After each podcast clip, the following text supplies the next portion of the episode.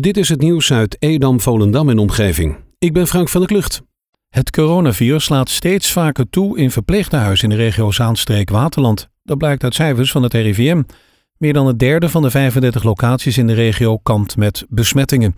Het RIVM maakt geen namen van verpleeghuizen met coronabesmettingen bekend, maar houdt wel bij hoe het virus binnen de muren van deze zorglocaties verspreidt. Sinds begin oktober is corona bezig met een opmars die al bijna even ernstig is als tijdens de eerste coronagolf. Na overwinningen tegen Jong PSV en Jong AZ stond voor FC Volendam vrijdagavond het duel tegen FC Dordrecht op het programma. In de basisopstelling viel een wijziging te noteren ten opzichte van de winstpartij in Weide-Wormer. Samuel Mulatieri was in de spits de vervanger van Martijn Kaars. Het bleek een goede zet, want de Italiaan was gelijk goed voor twee treffers. Het bleek uiteindelijk de opmaat naar een reuze overwinning 7-1. In de laatste drie speelronden scoorde de ploeg van trainer Wim Jonk liefst 18 keer, waardoor de weg omhoog is ingezet. Het zal velen inmiddels zijn opgevallen, op straat liggen her en der afgedankte mondkapjes. En dit is natuurlijk niet de bedoeling. Ook kunnen besmette kapjes gevaar opleveren voor spelende kinderen die ze dan weer oprapen. Wegwerpmondkapjes zijn prima, maar die kan je dus het beste weggooien bij het restafval, evenals de handschoenen. Gisteravond zijn er twee personen gewond geraakt bij een ongeval op de Jaagweg in Ilpendam. Twee auto's zijn frontaal op elkaar gebotst. De auto's raakten totaal los, zo meldt NHD. De twee inzittenden zijn naar het ziekenhuis gebracht. Hoe het ongeval kon gebeuren is niet helemaal duidelijk. De verkeersongevalanalyse heeft onderzoek gedaan. De weg was tot het eind van de avond afgesloten.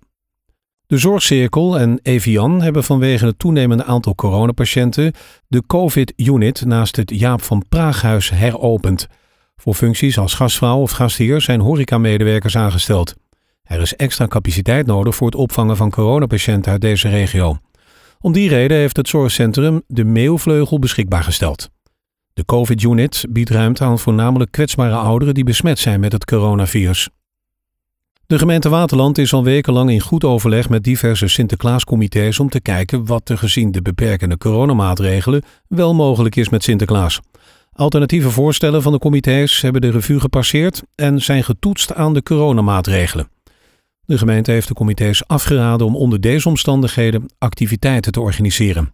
Het Sinterklaascomité van Marken en het comité Monnikendam gaan een digitale Sinterklaasactiviteit organiseren. De comité's van Broek in Waterland en Ilpendam beraden zich nog over wat ze gaan doen. Afgelopen week is opnieuw een vuilnisbak in de brand gestoken en zo totaal vernield bij de kapel van Maria van het water in het Boelenspark in Volendam. Deze vernielingen zijn waarschijnlijk het werk van een groepje jongeren. Enkele weken geleden moest er ook al een totaal vernielde vuilnisbak vernieuwd worden. De schade loopt elke keer in de honderden euro's en die moet door de gemeenschap worden betaald. Bijna elke week is het wel raak met dit zinloze verhaal. Er komen er in de toekomst 17 extra windmolens bij in de hoofdstad. Geschikte locaties zijn onder andere toegewezen bij de Noorder-Eiplas en verspreid langs de smalle strook ten noorden van de ring A10 Noord. Amsterdam nodigt ook inwoners van buurgemeenten Landsmeer, Oostzaan en Zaanstad uit om mee te praten en te denken over locaties waar het mogelijk is om windenergie op te wekken.